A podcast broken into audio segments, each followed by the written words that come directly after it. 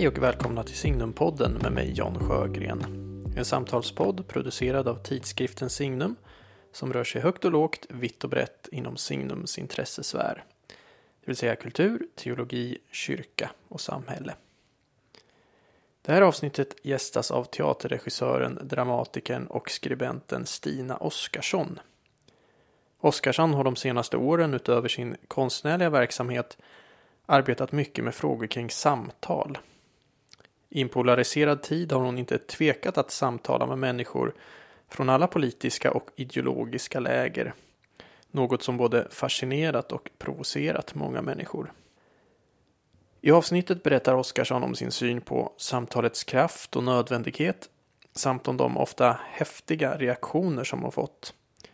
Om hur det idag blivit viktigare att markera att man har rätt åsikter, att man tillhör de goda, än att samtala och på så sätt försöka nå verklig förändring och förståelse. Oskarsson berättar också om varför coronakrisen gjort henne stolt över att vara svensk samt om hur hon upplevde att verkligheten blev mer verklig första gången hon besökte en katolsk mässa. Hoppas ni ska finna samtalet intressant.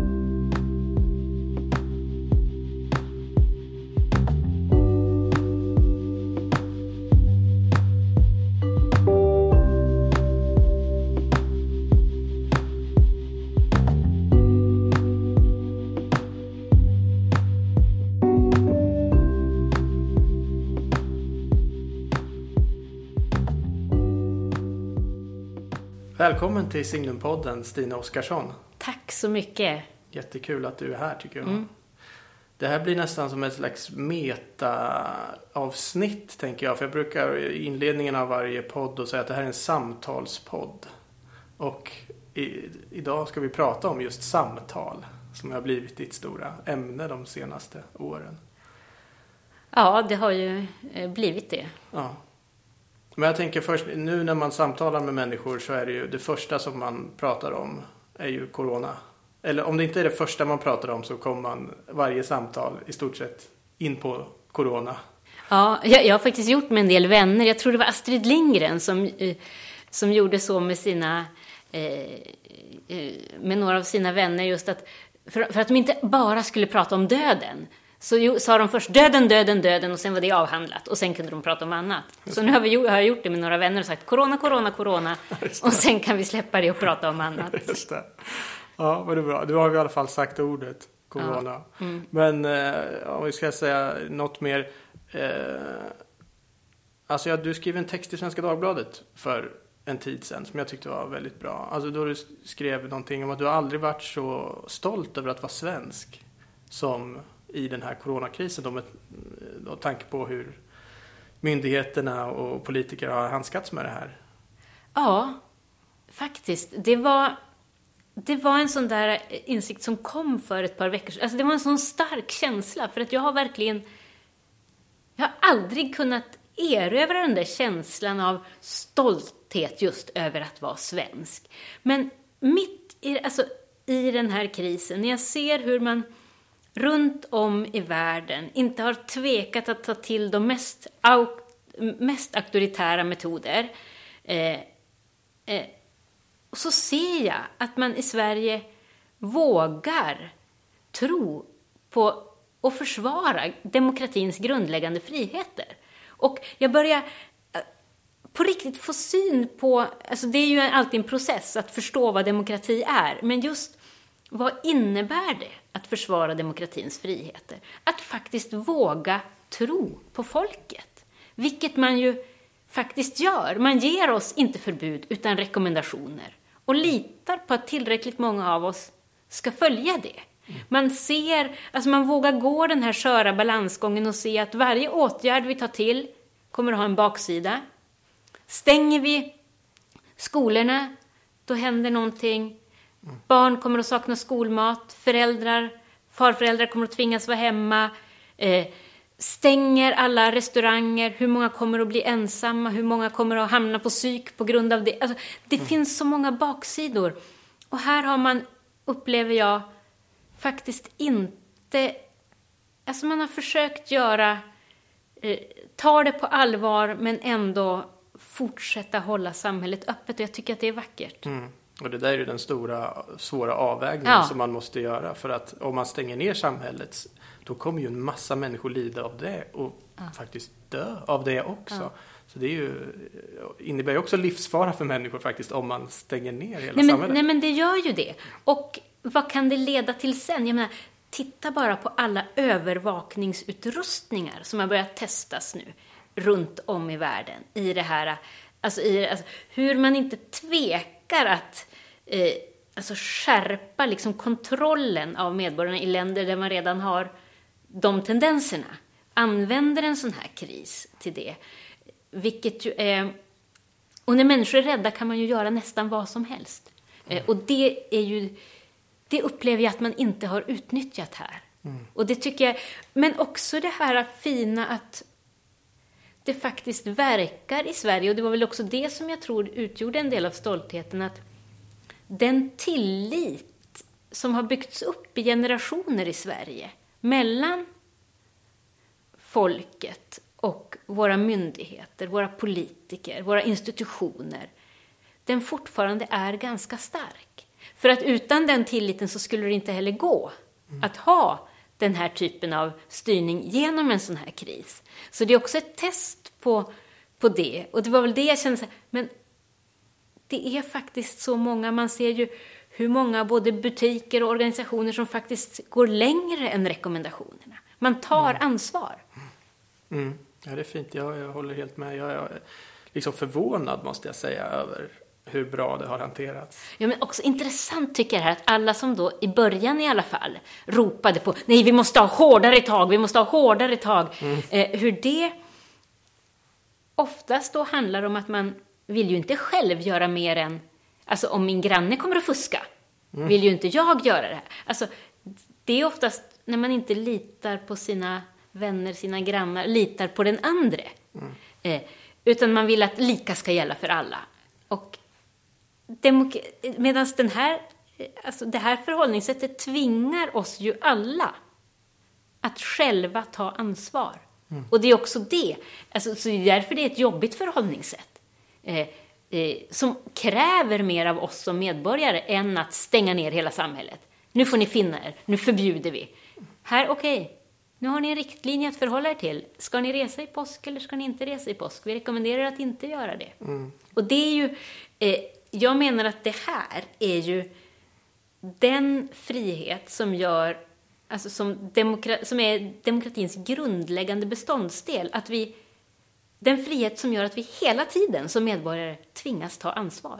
Tvingas göra ett etiskt, moraliskt ställningstagande. Jättejobbigt. Och det är slags myndighetsförklarande också. Ja, folket. det är ju det. Och det är ja, det som är så fint. Ja, ja, jag håller helt med. Ja. Så att, ja, jag var... Det var så oväntat kände jag när jag skrev den där texten. Men jag var så glad att få skriva de orden. Ja, men man märkte det när jag läste texten att det var en genuin glädje där. Ja,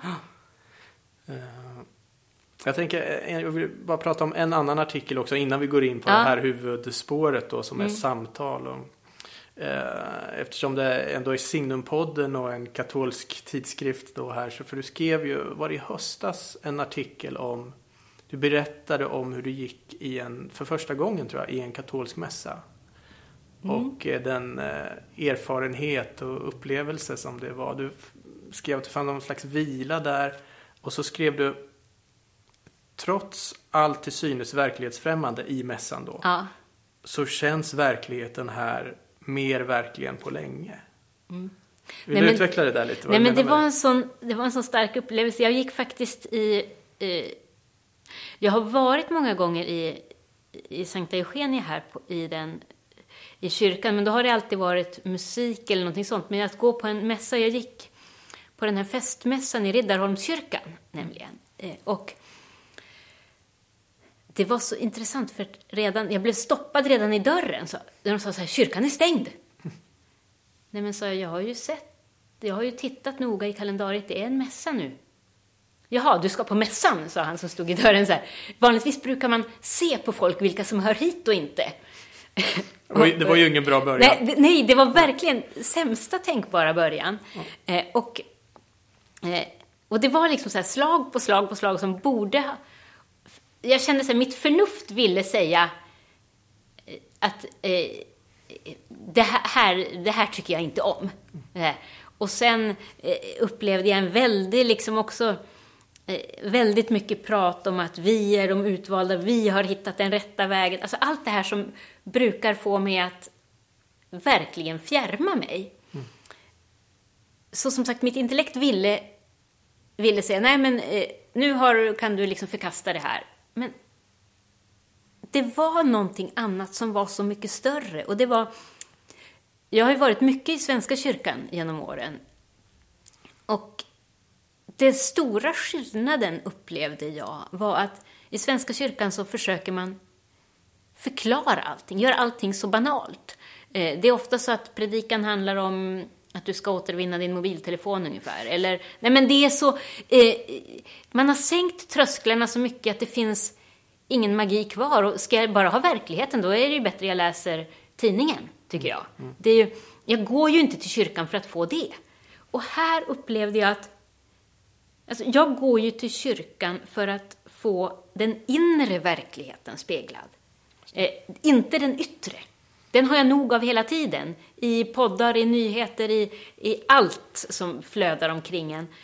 Men där jag ju som människa inte känner mig hel är ju för att det inre liv som vi alla har speglas så sällan. Alltså med alla de stora frågorna, med den svärtan och den lyckan och de gåtan som det innebär att leva. Mm. Och där upplevde jag att den, man i den katolska mässan har tagit tillvara på mysteriet på ett helt annat sätt och skapat, istället för att försöka förklara det, skapat former för det. Alltså symboler, riter, eh, vilket gjorde att jag blev bara alldeles lugn. Jag fick, alltså, det var som att jag upplevde en verklighet som var sannare än verkligheten där. Alltså, samma sak som jag kan uppleva i konsten mm. ibland. Mm. Och eh, det var väldigt starkt. Och så, jag vet att i texten så jämförde jag också med ett eh, besök på Nationalmuseum, eh, där jag hade varit precis innan, där man ju verkligen har gått, om vi ska säga Svenska kyrkan-vägen då. och på varenda liten målning så står det, men det står ju varningstexter på, på, måste man nästan kalla det, på tavlor av Carl Larsson. Det står eh, att, ja, denna tavla är ju målad i en, eh, en tid när man hade en mycket patriarkal syn på hemmet. Eh, eh och så vidare och så vidare. Och, man skriver folk på näsan. Ja, men så, ja. Vilket gör att jag förlorar ju hela konstupplevelsen. Så att allt det där som också det språk som finns, tycker jag, i religionens mysterium eller i konstens mysterium, gåtan att vara människa, det, eh, även i konsten så håller man ofta på att försöka förklara sönder det eller moralisera bort det. Mm. Vad skulle du säga, för jag tänkte just på, för lite av det du säger finns ju i konsten också. Mm. Alltså människan som mysterium, människan ja. som gåta, att låta, låta människan få förbli en gåta. Men vad, vad skulle du säga, vad var skillnaden på en eh, liksom, konstnärlig estetisk upplevelse och på det som du upplevde i mässan? Fanns det någon kvalitativ skillnad där? Eller? Eh, jag måste ju säga att för mig så är ju konsten och religionen väldigt, de talar väldigt mycket samma språk. Det är lite olika former, men allt det handlar om precis samma sak. Det är ett sökande efter ett svar på frågor vi vet att vi aldrig kommer att få svar på. Det är ett sökande efter gestaltning av det. Eh, där konsten kanske oftare söker ständigt nya former, så håller eh, eh, religionen oftare fast vid en form. Men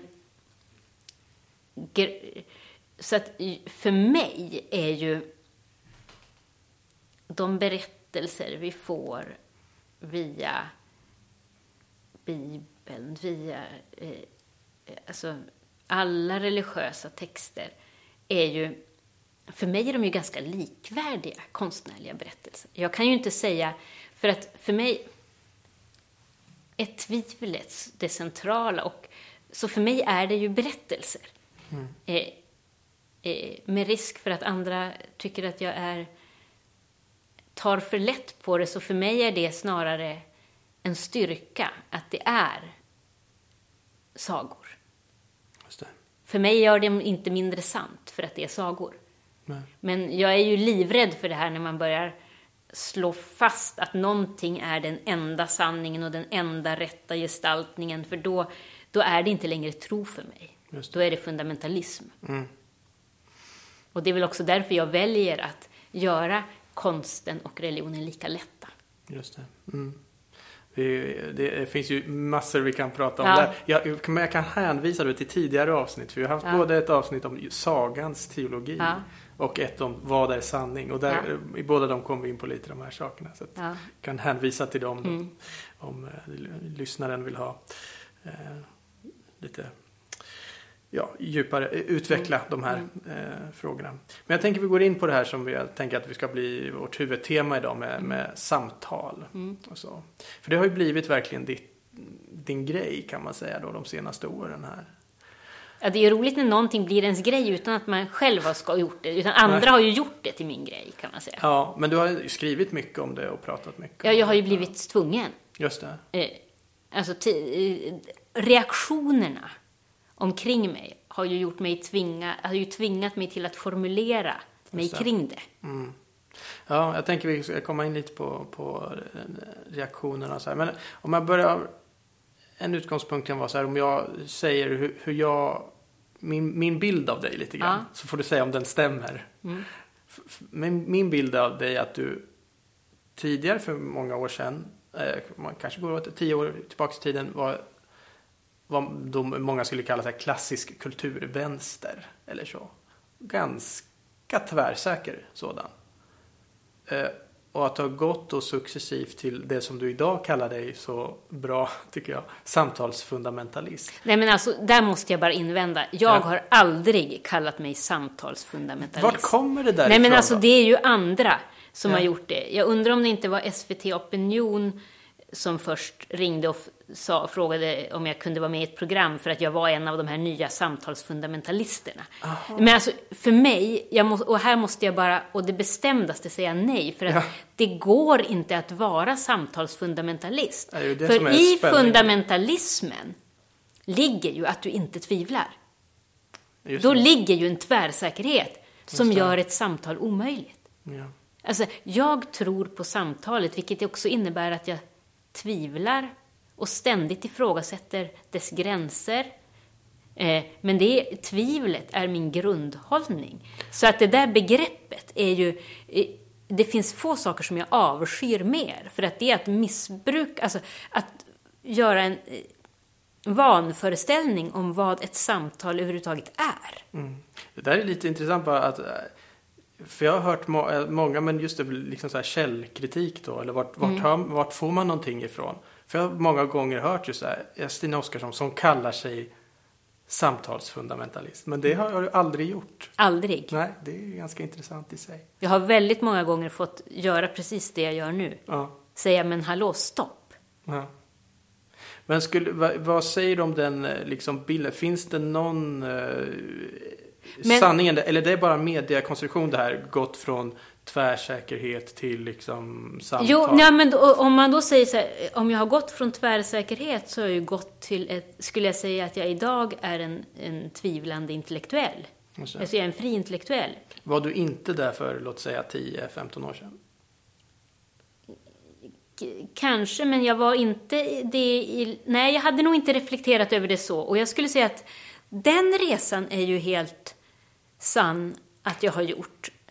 Eh, Men skulle jag gå till, ha gått till att bli fundamentalist så skulle det ha varit en helt annan resa åt ett helt annat håll. Ja. Men jag kan ju säga så att som... Jag kommer från en familj där... Verkligen en icke-kulturfamilj i Norrland. Och eh, där... Så att kulturvärlden... Eh, kultur var absolut ingenting man kunde arbeta med. Kulturvärlden var för mig någonting ouppnåeligt, främmande, långt, långt borta. Och när jag mot allas vilja och mot alla odds bestämmer mig ändå för att ta mig dit, eh, så eh, blir det ju en resa in i den svenska kulturvärlden som till stor del är en eh, är det här man kallar den klassiska kulturvänstern. Alltså jag hamnade eh, först på Unga Klara, jag jobbade på en rad länsteatrar på Riksteatern och sen hamnade jag på Orionteatern och sen de stora fria grupperna. Och i och med att jag inte hade någon kunskap om den här världen så slukade jag ju alla givna sanningar som fanns i den världen med hull och hår. Mm. Så där som man sluk, alltså, när man verkligen söker efter kunskap så, så tar man ju det man får. Och med det så köpte jag ju väldigt många sanningar om både kulturpolitik och om eh, hur verkligheten är beskaffad. Kanske för att få passa in. Eh, men också för att det var en sån del av att, att tillhöra den kulturvärlden. Men bara att en sån sak som att det, det, är givet att en offentlig finansiering av kulturen är grunden för kulturens frihet och kvalitet. Det är en sån given sanning som man verkligen fostras in i, som jag då aldrig hade ifrågasatt. Utan jag försvarade med hull och hår och när förra kulturutredningen tillsattes var jag den första att stå på barrikaderna och kritisera den kommersialisering som man såg. Sen så eh, har jag ju ändå alltid varit en tänkande människa och väl kanske värjt mig mot när för många ty tycker samma sak så börjar jag mm. bli lite rädd. Mm. Men det som väl var den utlösande faktorn att jag verkligen började tvivla på ganska mycket, eller tvivla, men började ifrågasätta ganska mycket, det var dagen efter att eh, riksdagsvalet 2010 när eh, SD kom in i riksdagen mm. så fick jag ett sms av en, alltså jag vet inte vem det kom ifrån, men det var ett sånt där mass-sms i de kretsar jag befann mig. Eh, där det stod kom och demonstrera mot att SD har kommit in i riksdagen. Och så var det samling någon dag där klockan 13 på Sergels torg och skicka vidare. Och jag bara säger, åh gud vad skönt, göra någonting eh, eh, tillsammans. Så jag skickar det där vidare och utan att tänka och får svar av en av mina närmsta vänner som jag litar väldigt mycket på som säger Nej, jag kommer inte. Att demonstrera mot att SD har kommit in i riksdagen, det är att demonstrera mot demokratin. Hur tänker du nu, Stina? Tänk efter. Och jag blev så arg på honom. eh, för att han hade rätt? Ja, förmodligen. Ja. Eh, ja, men för att jag kände ju att, jag, naturligtvis var jag ju arg på mig själv, att jag inte hade tänkt. Mm. Men också för att han men han fick mig att få syn, alltså börja få syn på att försvara demokratin innebär att försvara principer som, man, även när, som inte gynnar en själv. Och att eh, hur viktigt det är att försvara principer. Och det där blev sen, alltså det vart som en ögon, alltså det satte in liksom en broms, skulle jag säga, i mina reaktioner. Vilket gjorde att jag väldigt ofta började sen reflektera över beteenden som var så självklara. Jag, menar, jag kommer ihåg, jag tror att det var samma sommar i Almedalen så kommer jag ihåg att Stefan Löfven, om det nu kan ha varit Löfven, men det var i alla fall eh, eh, den socialdemokratiska dåvarande partiledaren som höll tal och sa någonting om, om pengar till pensionärerna. Och alla mina vänner står och applåderar. Mm. Och sen så säger Jimmy Åkesson nästa dag, eller någon dag, på hans dag då, i princip exakt samma förslag. Mm. Och jag kommer ihåg, det var på Kronan. Eh, och samma personer står bredvid mig och ropar bu. Och för mig blir det så här, det är så antiintellektuellt. Mm. Det är så dumt. Och de här personerna stod också med tygkassar där det stod Jim gör en gris. Mm. Och för mig så är det så här, då blir... Vad vill man då egentligen? Om man på allvar vill förändra någonting så tror inte jag att man gör det genom att gå omkring med en tygkasse där det står Jim gör en gris. Utan då handlar det mer om att visa att åsikter har blivit sin egen identitet. Att det är viktigare att visa upp att jag har rätt åsikter än att faktiskt förändra. Mm. Och det är ett beteende som är mig väldigt främmande. Jag är ska man förändra ska man göra det på det sätt som det man faktiskt kan förändra. Och det är väl också det som har lett mig till samtalet. Och i, alltså, det här var ju också starten på hela det förhållningssättet mot Sverigedemokraterna som har präglat det sista decenniet. Framför allt från kulturvänstern, när man, men också från högsta politiska ledning, där man aktivt har valt att vägra samtala. Mm. För att markera någonting. Alltså, att jag befattar mig inte med det här, med den här ondskan, med de här förkastliga tankarna, med den här förkastliga människosynen. Eh, alltså det, och det har handlat så mycket om sin egen renhet på något sätt, att inte befläckas av det. Mm. Eh, och det är en, ett förhållningssätt som jag inte har klarat av att ställa upp på. Jag vet att jag var på ett samtal efter en föreställning på Dramaten där moderatorn inleder med att säga att och vi som är här ikväll och är de goda humanisterna. Och då vet jag bara, men... Det är som ett skämt. ja. Fast det, och det hemska är att när det inte är ett skämt, men då får jag sån här, det bara kryper i hela kroppen när jag måste gå därifrån. Mm. För jag, jag klarar inte av det här vi och dem. Och när man inte ens kan prata med dem. Det, jag kan inte se mig som tillhörande de goda på det sättet. Nej. Så att det här var starten på ett som sen har liksom till att den ena efter den andra sanningen har, ifråg, har jag eh, tvingats ifrågasätta. Eh, det har blivit en, en lång resa, de här, en mycket intressant resa de här tio åren. Jag har börjat förstå mer och mer vad demokrati är, mm. vad fri, vilka grundläggande friheter demokratin kräver, vad det, vikten av att värna principer. Eh, och jag har också fått syn på hur mycket av de här principerna man och det skrämmer mig väl lite man har gjort avkall på, eh, inte minst inom kulturpolitiken, så är det ju tydligt eh, hur man har låt, alltså tillåtit värde, alltså man har skrivit in i regleringsbrev till kulturinstitutioner över hela landet att alltså krav på normkritik, på mångfald, på representation, mm. på nyskapande. Eh, utan att ha en tanke om att det här inskränker konstens frihet. Mm. Och nu, när då uh, nya politiska ledningar runt om i landet börjar skriva in nya värdeord, man börjar skriva in vi ska ha vi ska prioritera det klassiskt svenska, vi prioriterar det, uh, den klassiska konsten. Mm, det som hände i Sölvesborg ja, och exakt. blev så väldigt uppmärksammat. Ja. ja. Då ser man inte att till för 17 kulturvänstern som och eh, eh, rödgrönrosa regeringar som har öppnat de här dörrarna under decennier tidigare. Eh, och då menar jag att det blir väldigt intellektuellt ohederligt att kritisera vad man gör i Sölvesborg. Eh, om man inte samtidigt säger att eh, har kritiserat det tidigare. Och det, det, är inget försvar för vad de gör i Sölvesborg, men det är ett... Eh, det får mig ändå att säga, okej, okay, vi har ett problem här som är större än så. Mm. Jag tycker det är intressant det här som du säger att så väldigt mycket handlar om att markera i, liksom, en slags godhetskultur helt ja. enkelt. Och just det här att man helt enkelt inte kan ta i vissa frågor. Det går inte att samtala helt enkelt. Vissa frågor är totalt tabu och vissa människor är verkligen helt totalt tabu. Och det där har ju du fått uppleva konkret väldigt mycket. Du tänker på till exempel den här samtalsserien uppmärksammad i Svenska Dagbladet. Eh, jag vill kanske berätta om vad upprinnelsen till det och, vad, lite reaktionerna kring, kring den.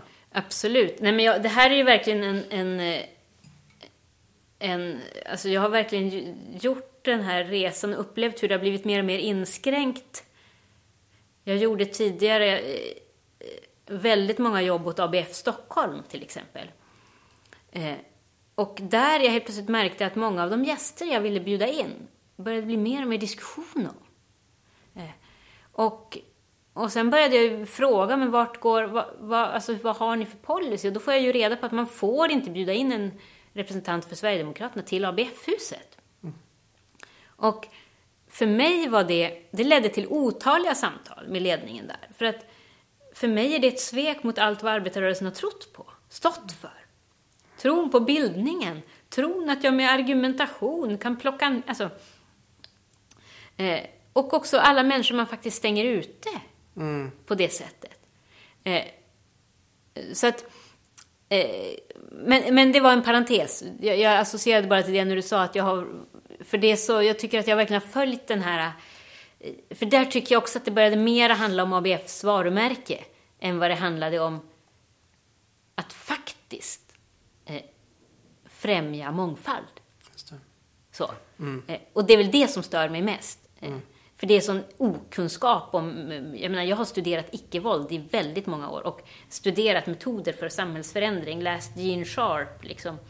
Eh, Eh, alltså hans sex decennier forskning om vad som faktiskt skapar förändring. Och, eh, det här är ju, ja, utifrån det också så tror jag att det här, det här är en väldigt dålig metod. Men mm. Nej men Svenska Dagbladet, det var ju, det var en fråga jag fick från Svenska Dagbladet faktiskt. Eh, om jag ville skildra det polariserade Sverige genom en serie samtal med människor som befann sig i olika frågor. Alltså de, det som är Sveriges, eh, eller vad då, de stora konfliktfrågorna. På ytterkanterna i de frågorna. Eh, om jag ville samtala med de män, människor där och eh, på så sätt skildra egentligen Sverige. Och för mig var det bara ett sånt drömuppdrag. Ja, v- verkligen. Dels för min egen nyfikenhets skull. Att jag verkligen vill förstå vad handlar konflikterna i Sverige om egentligen. Men också den här lusten att få... För jag menar, samtal kan ju ha olika syften. Det kan vara att du och jag ses och pratar för att, ut, alltså, eh, för att utveckla vårt tänkande. Det kan vara att man pratar med någon för att eh, i en terapisituation. Det kan vara... Men det finns så många olika nivåer. Men det här såg jag ju... När jag samtalar med Katarina Janouch till exempel så är det ju inte för att jag tror att jag ska förändra hennes åsikter i en fråga. Utan det handlade ju om att jag inför, alltså då blir det mer som en teater, att jag inför en publik så för vi ett samtal där jag helt utan att värdera vad hon säger eller försöka pracka på någon annan slags världsbild försöker klä av bådas våra argument och ge det till läsarna. För att de ska få själva ta ställning. Eh, eh, och det var väl min, alltså mitt förhållningssätt till hela samtalsserien var att närma mig de här åsikterna. Eh, Jag träffade ju människor både vars åsikter jag verkligen, alltså mycket jag inte sympatiserar med eh, eller sympatiserar med. Ibland blev jag väldigt förvånad över att jag eh, kom, alltså så här, när jag träffade Jean Frick var jag förvånad själv över hur mycket eh, överens vi var i många frågor. Jag kommer ihåg det. Var inte det den första Ja. som publicerades? Ja. Och det, det, som läsare också så var det Nej, så, alltså och, och det visar ju också så här, hur öppen jag gick in i det där. Att jag blev, eh, samtal, Yasri Khan, som jag ju själv trodde att jag skulle komma väldigt bra överens om. Mm. Eh, det var det samtal jag hade absolut svårast att behärska mig Mm. själv. Så. Eh, men jag försökte ju ändå, alltså i den mån, utan att låta det bli bara så här, jaha, tycker du så? Utan jag, jag ställde ju ändå frågor, alltså, de frågor jag ville ställa. Så. Eh, och jag och Jean Frick hade ju en, en ganska hård debatt om kärnkraften just, men, men på andra punkter var vi, eh, hade vi rätt eh, liknande människosyn. Men, men, men det var just det att, att få möta de här eh, argumenten. Och också, det var ju, inom varje samtal var det ju någon punkt där man bara kände så här, här möts vi. Mm, just det. Och här möts vi inte. Och att också, nej men så tanken var ju också att faktiskt ge det här till läsarna utan att värdera det, just för att, lite som jag sa med demokratin i början här, det handlar faktiskt om att våga tro på läsarna. Mm, att de kan själva, de får göra vilka, eh, vilka val de vill utifrån att läsa det här. Och jag menar, det är så många som har sagt till mig, ja men tänk om du, eh, om du nu pratar med Katarina Janouch så är det en massa människor som börjar tycka som henne.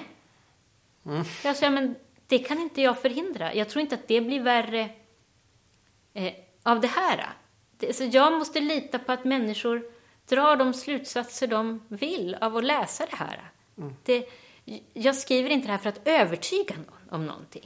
Varför blev detta så provocerande för många då? För det, det som du säger nu till mig, det tycker jag låter helt totalt oprovocerande, alltså som självklart. Som närmast en journalistisk grunduppgift att göra det här. Men det kanske visar på hur mycket journalistiken har övergivit sin grunduppgift. Mm. Hur mycket av journalistiken idag som är åsiktsjournalistik, som bara försöker, där det viktigaste är att visa upp vad jag tycker. Vilket är väldigt lättsmält för en läsare. Mm. Det är väldigt lätt att förhålla sig till. Då läser man personer som man antingen vet att man tycker om eller inte tycker om. Mm. Och det gör det väldigt enkelt. Så det här, man i sin bubbla då? Det här ställde mycket, mycket högre krav mm. på läsaren. Och det tror jag folk blir provocerade av. Man får det inte eh, lika eh, lätt eh, smält som man är van vid, även om man inte kanske tänker på det på det sättet. Sen så ska man också komma ihåg att det var en väldigt stor skillnad i reaktion på människor som befann sig eller befinner sig i kultur och medieeliten och inom situationstecken vanligt folk. Yeah. Jag skulle säga att den högljudda kultur och medieeliten gick i taket och ägnade hur mycket tid som helst åt att diskutera vad är rätt eller fel och prata med de här personerna. Mm. Medan andra människor, alltså all respons jag har fått från läsare och fortfarande dagligen får på samtalsserien. Mm. Folk som stoppar mig på stan och säger, som vill diskutera innehållet i texterna. Mm. Fortfarande människor som diskuterar, så här, är det rätt eller fel att vägra ta kvinnor i hand eller ska vi tillåta det eller vad händer om klimatet blir en klassfråga eller den här med kärnkraft som vill diskutera alltså, det som var viktigt. Just. Och det har ju också fått mig att få syn på hur stort glappet har blivit mellan kultureliten och mm. folket. Men den här kultureliten, alltså jag, jag vet inte hur, vilka är de egentligen? Alltså för på något sätt kan man ju säga, i någon mening är du och jag också kulturelit. Ja. Nej, men, men absolut, jag har ju själv, men jag har uppen, alltså det jag har märkt är att jag har liksom lite klivit ner från den. Och det har varit så skönt. Ja, men jag undrar vilka, alltså jag tror inte att kultureliten egentligen är så stor. Alltså Nej! För jag tror att väldigt många av då som skulle betraktas som kulturelit, som på, har en röst i tidningen till exempel, eller så. Tycker, tycker också att den där samtalsserien var helt oprovocerande och bra. Liksom. Mm. Men sen finns det en liten, kanske högljudd klick. Men det då. finns en liten, mycket, mycket högljudd klick. Men den där så kallade då, om vi kallar dem för kultureliten, det är en väldigt liten. Ja, men problemet är att den Eh, den är så högröstad. Ja. Och väldigt... Eh, alltså det finns en... Jag tror att det är Köstler som skriver om... Eh, eh, han har en, i en av sina eh, texter så skriver han om eh, de intellektuella. Och eh, har en sån, eh, då redogör han för en sån förskjutning som har skett i liksom eh, definitionen av de intellektuella. Och då, då tar han fram, eh, i första upplagan av Oxford Dictionary, så säger man att det är den bildade del av befolkningen som strävar efter ett fritt tänkande. Mm, mm. Eh, och sen i den tredje upplagan så är den där definitionen ändrad till den del av befolkningen som är i stånd att skapa en offentlig opinion. Då har det blivit definitionen av intelligensia. Mm. Och det är så, för det är en sån milsvid skillnad mellan att sträva efter ett fritt tänkande och att ha förmågan att skapa opinion. Mm. Och det är en väldigt liten klick, men som har en... Eh, men det var som någon sa till mig, kom ihåg att Twitter är inte folkviljan.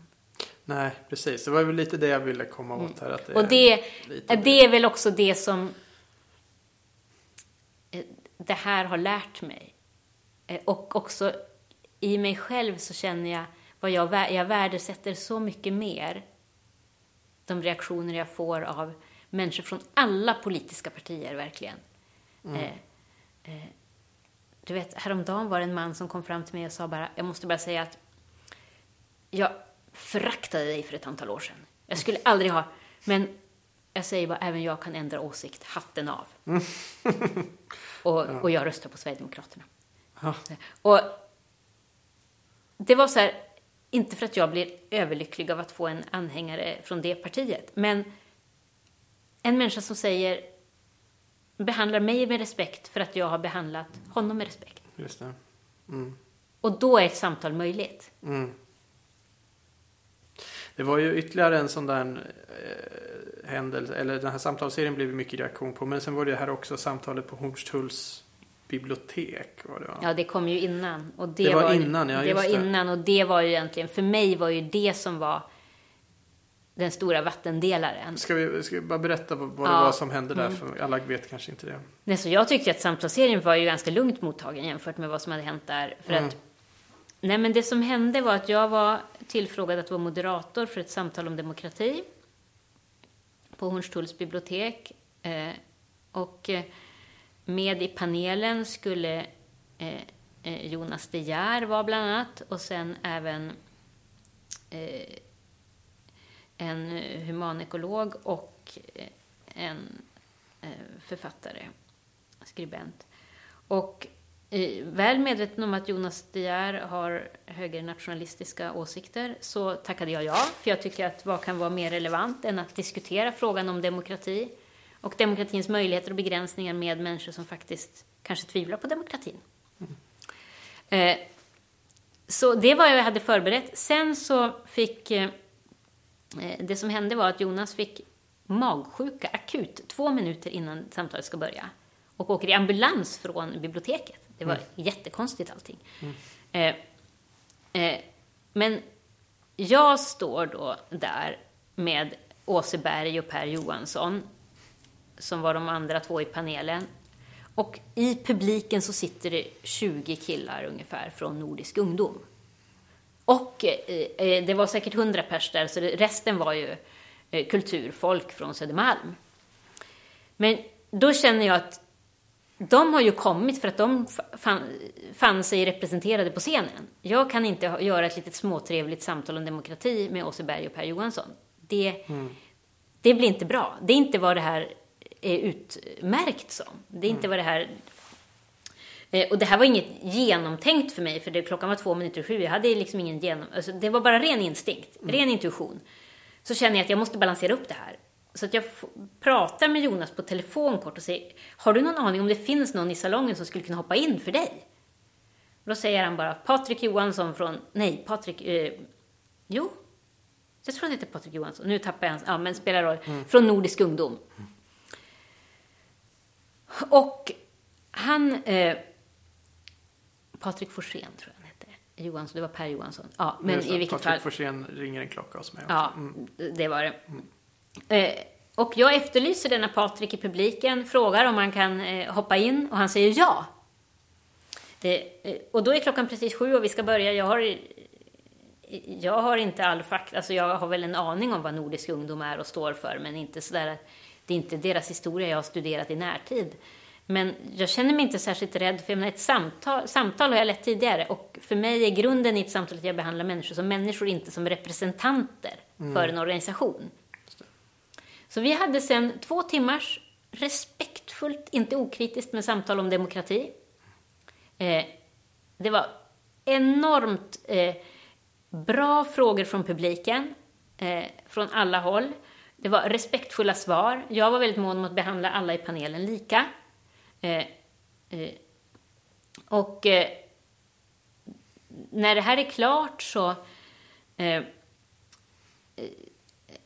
det var, så, det var en så stark upplevelse och att ha också den här blandade publiken där. Och jag kommer aldrig att glömma, för att efteråt så är det flera av de där killarna som kommer fram och tar i hand och tackar.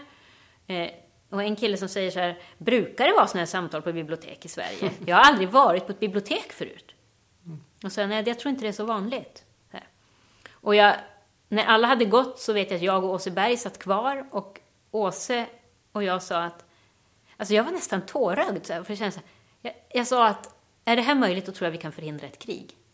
För det var så starkt att vi klarade av att ha det där samtalet. Och sen gick jag i tio dagar med den där upplevelsen, vad ska jag göra med det här? För det var så stort, tyckte jag. Eh, det var verkligen i linje med allt jag har trott på i, sen jag var liten. Alltså att samtalet är möjligt med människor man inte sympatiserar med. Och sen så börjar det, det hela med att någon från Fi Stockholm får reda på att det här har hänt och twittrar ut, utan att kolla någonting, twittrar man ut att det har kommit till vår kännedom i Fi Stockholm att det har varit en nazist på ett bibliotek i Stockholm.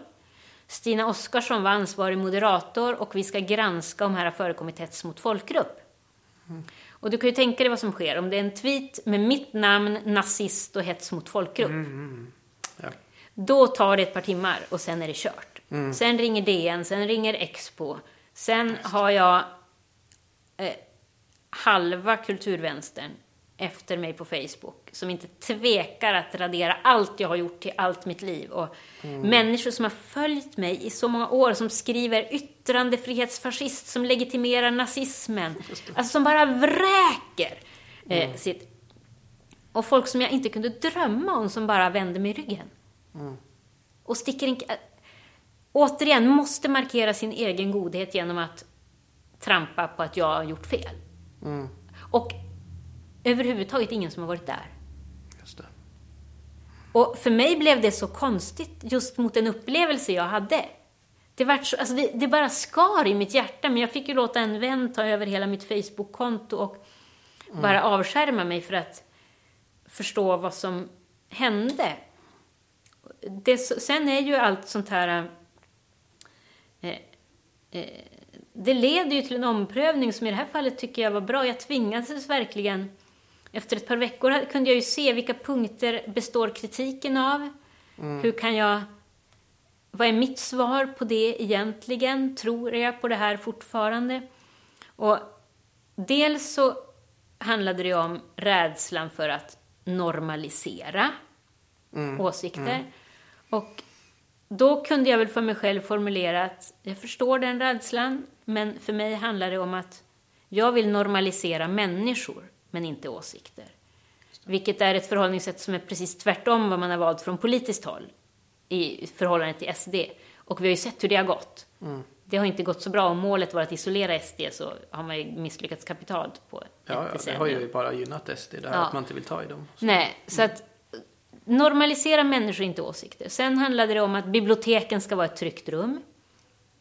Ja, men för mig, där säger jag så här att jag är tryggare om jag möter en nazist i ett samtal på ett bibliotek än så många av de här människorna tvekar inte ett ögonblick att stå och skandera inga rasister på våra gator, ofta med gatstenar i handen. Mm. Jag, jag, tror faktiskt att det, det fanns inte ett uns av... Eh, det var inte en, en, sekund av hotfull situation där inne. Mm. Eh, och sen tror jag ju alltid att åsikter växer sig mycket farligare i slutna rum. Alltså jag tror ju på samtalet där. Sen så var det många som sa att ja, men gränsen måste ju ändå gå vid en... Ja, dels så sa de också att ja, men det här samtalet kan du bara ta för att du är vit och privilegierad och inte själv känner dig hotad. Just det. Nej, jag säger det stämmer. Mm. Men det är ju sant. Det är ju sant. Ja. ja. men jag säger det är ju sant. Men just därför menar jag är det mitt ansvar att ta samtalet. Mm, jag har aldrig krävt att någon annan ska göra det. Nej. Jag skulle aldrig kräva att en person som själv kände sig hotad skulle ta det. Men mm. vi måste kunna ta samtalen åt varandra. Just. Eh, och dessutom när jag var nere i Klippan och föreläste för lärare och så berättade jag om det här och så sa en lärare sa så här, haha, säga att det är privilegierat att kunna ta ett samtal. Jag skulle säga att det är privilegierat att kunna avstå. Som lärare måste jag ta de här mm. samtalen hela tiden. Just det. Mm. Som sjuksköterska, som polis, som... Ja. Eh, så att man kan också vända på det. Nej men sen, många som sa, jo men visst, jag tror också på samtalet, men gränsen måste ju ändå gå vid en nazist. Mm. Ja, men jag förstår det, men jag tror inte att det finns en gräns som gäller för oss alla. Och Nej. för mig så är det, har det blivit eh, eh, viktigare än någonsin att så länge jag bedömer att ett samtal är möjligt, ta det. Och det, den gränsen drogs i mig i samband med Utöja. För att där var det så tydligt. att fram till den punkten så sa jag helt naivt att samtal är alltid möjligt. Samma timme som Utöja pågick så stod jag och föreläste om det här på en scen i skog i Dalarna och sa att när två människor står ögon mot ögon varandra har man ett val, man kan skjuta eller man kan påbörja ett samtal. Mm. Jag höll en föreläsning om fred och demokrati och samtalet. Och när jag fattar vad som har skett samtidigt så tvingades jag till en total omprövning av det. För jag inser då för första gången i mitt liv att samtal är inte alltid möjligt. Ibland Där, är det för sent. Ibland är det för sent. Ja. Där var det för sent. Breivik mm. hade musik i sina hörlurar mm. när han sköt. Mm. För att inte...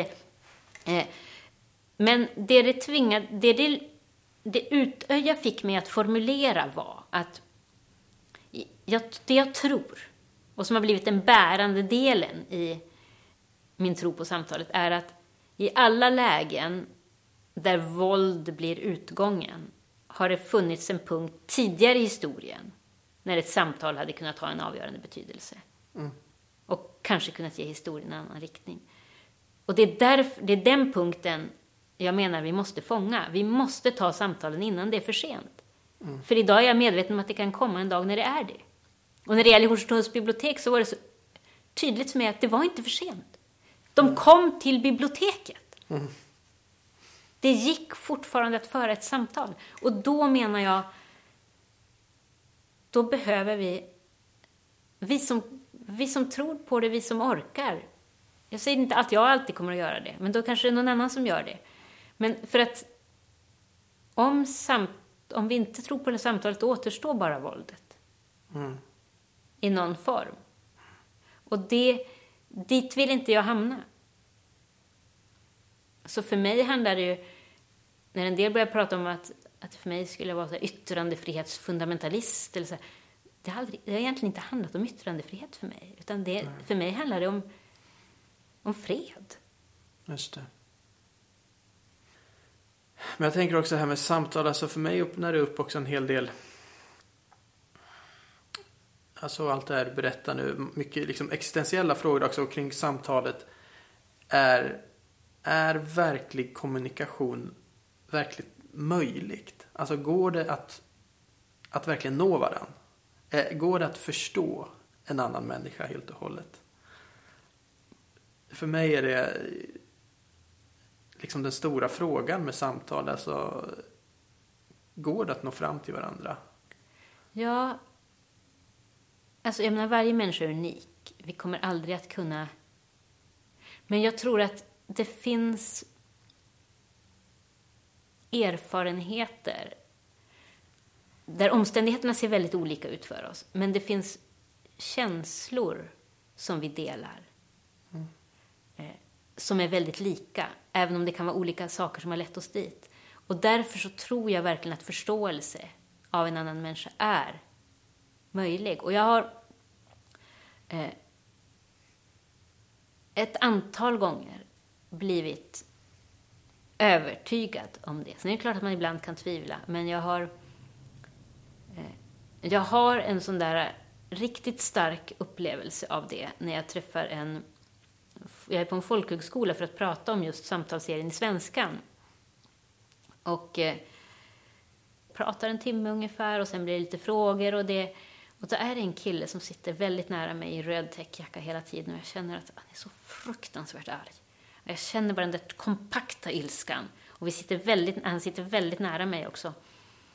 Och han sitter knäpptyst då, så det, eh, men det känns som att han kan, det kan explodera när som helst. Och, sen efter att frågestunden har varit kanske 45 minuter så till slut så säger han att ja, jag hade inte egentligen, jag hade tänkt gå direkt.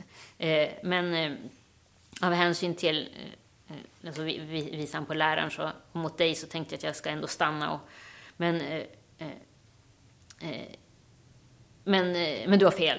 Samtal, det är för sent för samtal. Det är för sent. Det, det är ett eh, elitperspektiv att överhuvudtaget prata om samtal. Eh, där jag kommer ifrån, eh, jag har orten tatuerat på armen.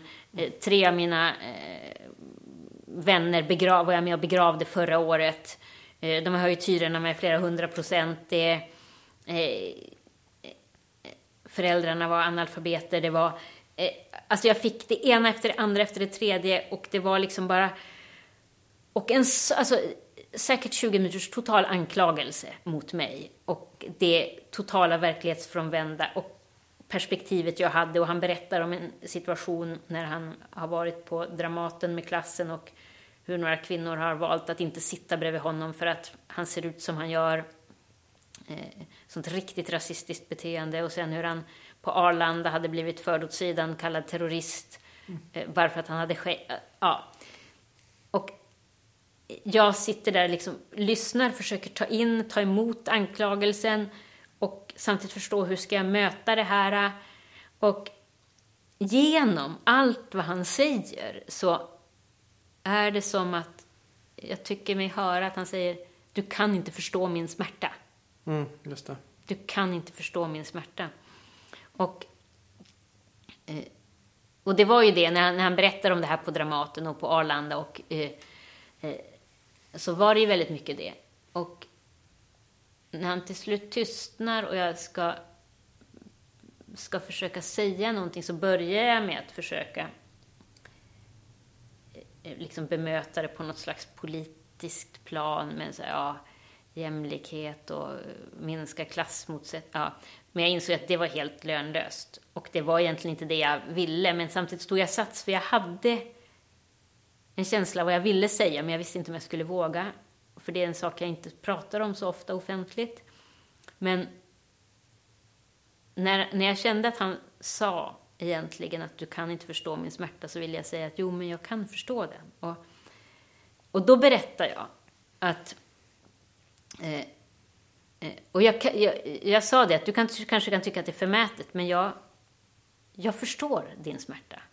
Och eh, jag har själv haft anorexia i över 30 år och har så många gånger, otaliga gånger, fått höra om jag befinner mig ute på sommaren så kastar folk kommentarer efter mig och säger att sådana som du borde inte visa sig offentligt. Jag blir äcklad av att se dina armar eller jag har blivit avvisad från gym eller simhallar för att folk ska slippa se min kropp eller eh, av hänsyn till andra motionärer.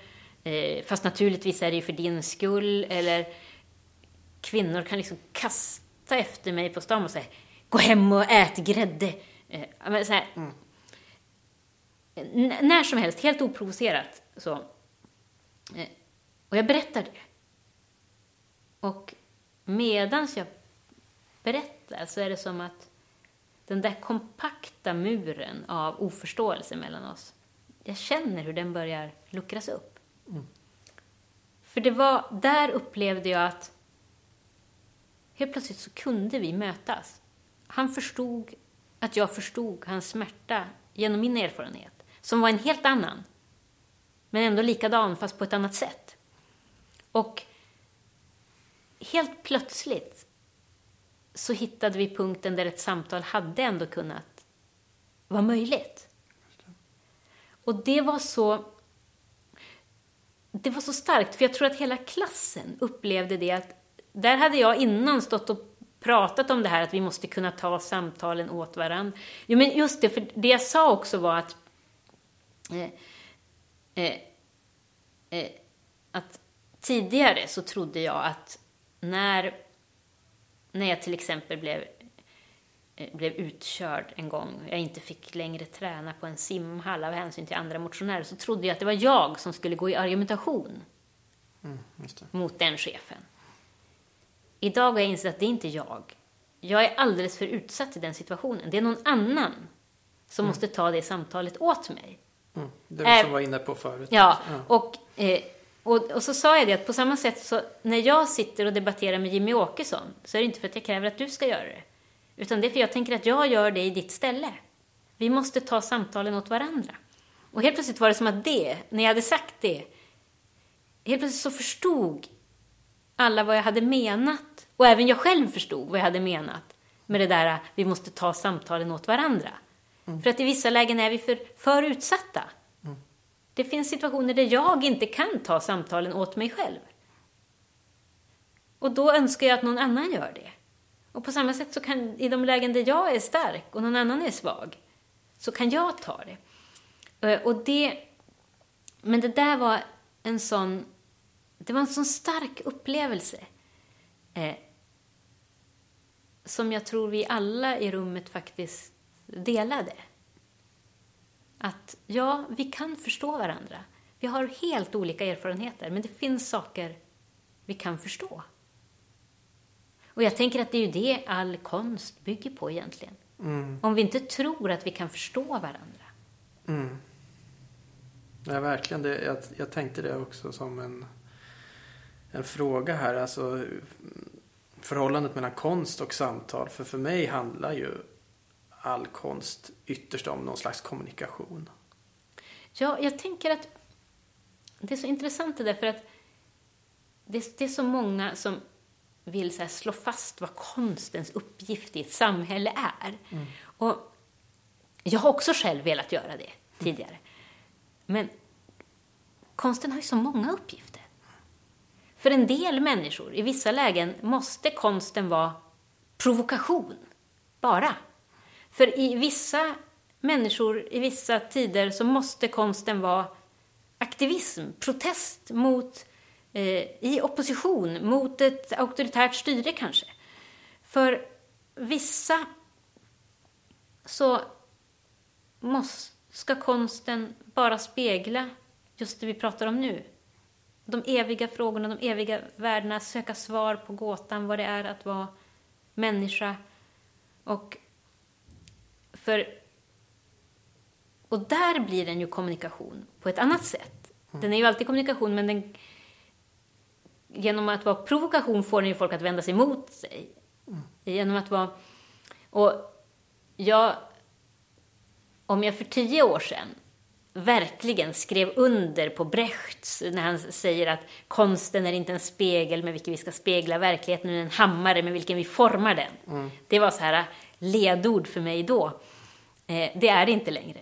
Inte ett ögonblick. Men det får gärna vara det för andra, men det är inte det för mig. Idag skulle jag ligga mycket närmare Stig Dagerman som har ett fantastiskt uttryck när han skriver, eller han säger i sin inledning till den yttersta dagen så säger han att varje diktverk strävar mot en punkt som ligger bortanför den miljö det skildrar, eftersom det anar att varje miljö är tillfällig. Den som skriver om en grupp människor i syfte att visa att denna grupp är bättre eller sämre än andra är ute i andra ärenden än konstens, oftast sämre. Diktens uppgift är inte att stimulera den mänskliga högfärden, tvärtom att minska den genom att uppenbara att jorden är en tillfällig rastplats där alla har samma rätt till elden, vilan och vattnet. Dikten handlar om det som är gemensamt för oss alla. Dödens närhet, själarnas avstånd och den mänskliga handlingens ofattbara betydelse. Och, och för mig är det så, just nu, snarare en ledstjärna. Att i en polariserad värld, när vi lever i så olika verkligheter, låt då konsten vara den plats där vi faktiskt kan mötas. Jag vill inte i dag, dagsläget, som samhället ser ut nu, använda konsten till att ställa grupper mot varandra. Vi kanske låter Stig Dagerman bli liksom avslutningen ja. här för detta. För det var så fantastiskt citat som ja. du kunde där utan till också. Mm. Så tack Stina Oskarsson för detta samtal och för att du gästade Signumpodden. Tack så mycket att jag fick komma hit. Och eh, tack alla ni som har lyssnat och lyssna gärna på oss igen i nästa avsnitt. Hej så länge.